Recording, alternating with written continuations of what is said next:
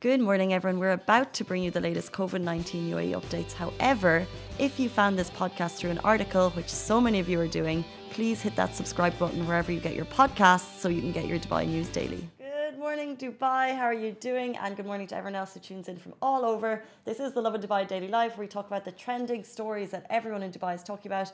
Of course, a lot of you are working from home. Um, there's a couple of us here in the office. There's a lot of COVID 19 updates that we're going to take you through. Number uh, in a little bit, we're going to talk about not spreading rumors on WhatsApp because it's kind of damaging. We're going to talk about the incredible number of testing uh, happening here in the UAE. It's actually the highest testing in the world for coronavirus, which is fantastic. Uh, but the first story I'm going to take you through. This was announced yesterday evening that 15 new cases of coronavirus were reported in the UAE. Uh, so the total number of confirmed cases right now uh, has reached 13 after the Ministry of Health and Prevention, that's the MOHAP, confirmed yesterday evening that there were 15 new cases. The confirmed cases are in a stable condition, which is kind of fantastic to hear, and they're receiving the best healthcare. According to report that we received, the patients are of different nationalities uh, from Kyrgyzstan, Serbia, Italy, the ne- Netherlands, Australia, Germany, the USA, Greece, Russia, Ukraine, Bangladesh. There are two people from Britain and also one person from Spain. And the cases were detected through the ministry's early monitoring and reporting system, which we're hearing a lot about.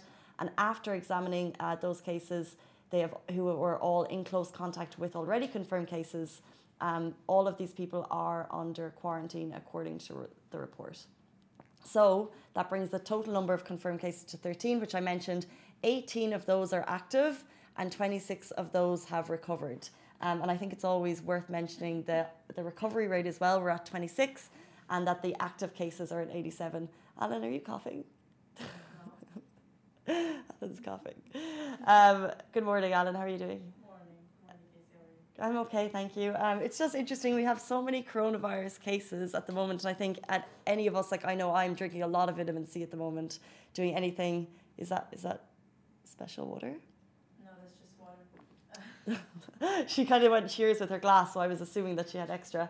But we're kind of doing everything we can, I think, to boost our immune systems, sanitizing. Um, and we did just bring you all of the new cases, but I also want to do a massive shout out to Dubai, who uh, in the last few days announced the incredible testing that's happening right here in the UAE. There have been 125,000 tests, according to the MOHAP so far, and that's 13,000 um, people per million have been tested.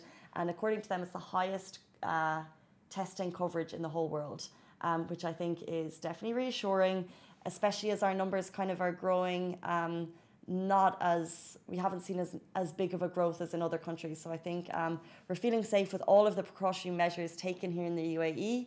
Um, so many things have happened over the last few weeks. I think we've all felt inundated with the avalanche of, of news um, that's coming through. We'll talk a little bit about where you should get your news. I think it's so incredible. If you go onto Dubai Media Office, their Instagram, wherever you uh, whatever social media you're on, if you go onto Dubai Media Office, they have so much information there. Uh, we'll talk a bit about Ask DXB. So, any questions you might have, all of your common coronavirus questions are asked, um, and it's in video form, which I think is kind of fantastic, and it's all in subtitles so I can understand it. Um, but talking about all of the closures, so we have the latest information Dubai restaurants remain open, but they must follow strict rules. So I think there was a bit of a question mark over Dubai restaurants after we saw the closures of, let's say, entertainment facilities, gyms, uh, cinemas, schools, spas, uh, bars, and lounges.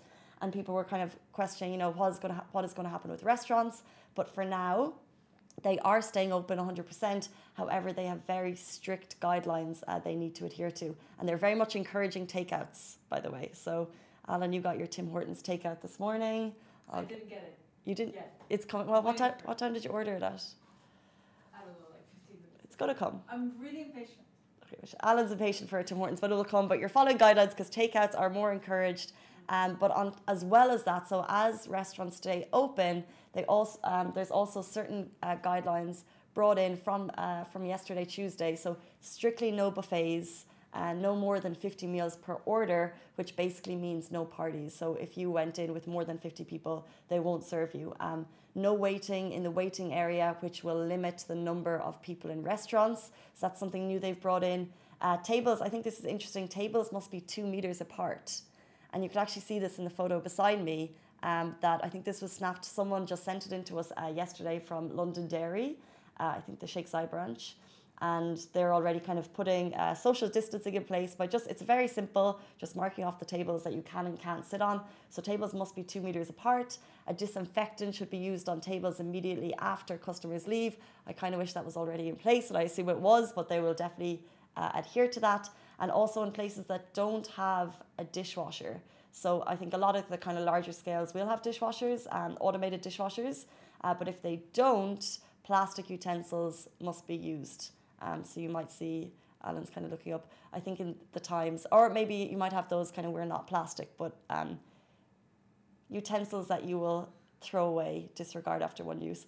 Alan, obviously, I think you're thinking of the environmental impact, but at the moment they say because there's no flights, um, maybe that will offset the use of more plastic utensils.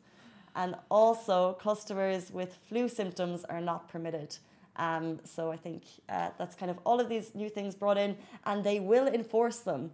Um, it was mentioned that there will be inspections, and actually, what Dubai Media Office yesterday did was they announced nine shisha spots. So we know that shisha is banned. Nine shisha spot, uh, shisha, shisha spots uh, were found to have op- uh, remained open. So they did not listen to the uh, the enforcement to close, and they have now been. Uh, let's say Dubai Media Office tweeted it in a step to safeguard society and in cooperation with Dubai Municipality, they closed down nine cafes for violating the shisha ban instructions.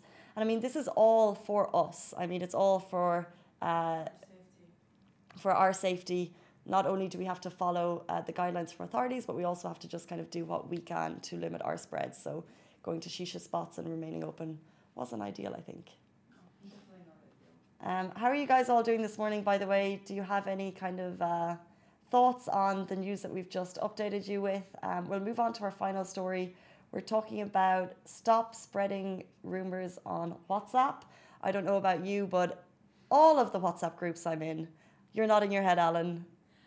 Do you know where I'm going with this by any chance? Um, I, I, I just really relate because uh, my mom keeps sending me videos and um, announcements that are not by the government or just, just random voice notes as well um, about the coronavirus. From your mom or from? From my mom. I know she forwards it from yeah. mom, and she's like, "Dude, don't stay at home. Look what what's going on. Like the world's going crazy." I'm like, "Mom, calm down." I, th- I don't, yeah. And I send her back a circular. I'm like, "Here you go. This is what's going on." Good. So Alan sent back a circular to her mom to let her know what's going on. But this is exactly it. I'm in groups here, and then I also have family abroad. So we actually, for six weeks, for over six weeks, we've been dealing with uh, coronavirus news here in the UAE, and then it kind of has only um, gained, let's say, massive headlines in international media in the last few weeks. So I have family in the States, in the UK, Ireland, and they're send. We're all getting different information, and it's just funny. There was. Um, I think there was a headline yesterday in the New York Times, and it was like, if your aunt is sending sending you information from her aunt, and I actually have a sister who's sending me so much. She's sending me like it's like this is from a medic, and he says this X, Y, and Z about what medication you could use, and we're all just like, no. But however, that's just not coming from me. It's coming from authorities. They uh, released a video saying stop spreading rumors, um, fake news on WhatsApp. Uh, it's basically just a reminder that the spreading fake news undermines the stability of authorities. Um, it can create a negative mood, it can harm the public interest, and there can also be a penalty for imprisonment for doing so. And the authorities on social media are actually a wealth of information. And I know I said it before, but if you just hop onto any MOHAP, which is the Ministry of Health and Prevention, Dubai Health Authority, Dubai Media Office, there is so much information there. Um, we're trying to, all our reports obviously come directly from there and from nowhere else, which I think is kind of uh, our responsibility to you guys to make sure that you're getting the correct information. But if you want to go directly to the source, stop listening to all of the messages going around on WhatsApp because it's it's scary. I think nearly that we're you're hearing. I've heard like I won't say them now, but I've heard so many different rumors about so many things that could happen, so many things that were going to happen a week ago, and they're just false.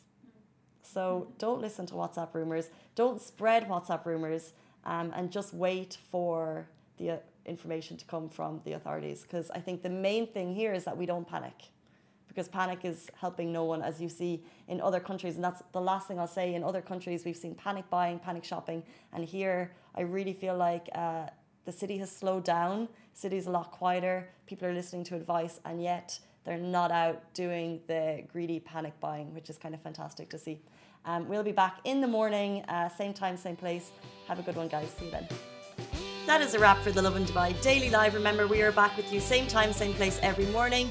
Do not forget, we also have Dubai Works Business Podcast where Rich sits down with the business people of Dubai so you can get more information about that. And of course, the Lovin Weekly Show where Shireen and I chat to influencers and get to know a little bit more about them. Bye.